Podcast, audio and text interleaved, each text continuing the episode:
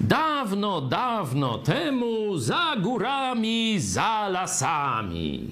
Co wam to przypomina? Każdy słysząc coś takiego wiedział, że ktoś z jego bliskich, ojciec, matka, dziadek, zaczyna mu opowiadać bajkę.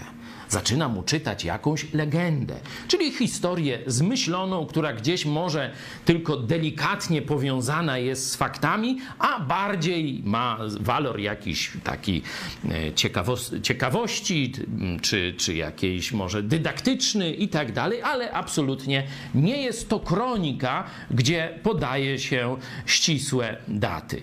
I świat praktycznie sporej części chrześcijaństwa, a na pewno świat wrogi Biblii, chce nam, chce tobie i mnie powiedzieć, że Księga Rodzaju to jest właśnie, czyli tam, gdzie jest opis stworzenia, to jest taka legenda, gdzieś tak mniej więcej alegorycznie, symbolicznie, bajkowo przedstawia się e, dzieje stworzenia.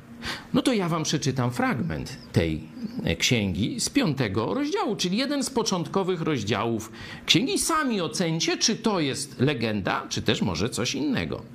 Po zrodzeniu Seta żył Adam 800 lat i zrodził synów i córki. Adam przeżył 930 lat i umarł. Set żył 105 lat i zrodził Enosza. Po zrodzeniu Enosza żył Set 807 lat i zrodził synów i córki. Set przeżył 912 lat i umarł. Tu za sobą jesteśmy po konferencji kreacjonistycznej, chyba największej w dziejach Polski, bo ponad 350 zarejestrowanych uczestników, a być może kilkaset więcej jeszcze było osób. Tu mamy to zestawione w formie takiej tabeli.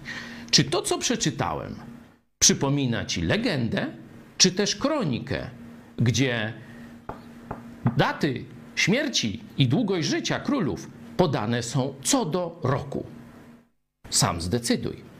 Od tego zależy, czy potraktujesz słowo Boga poważnie, czy też zadrwisz z niego.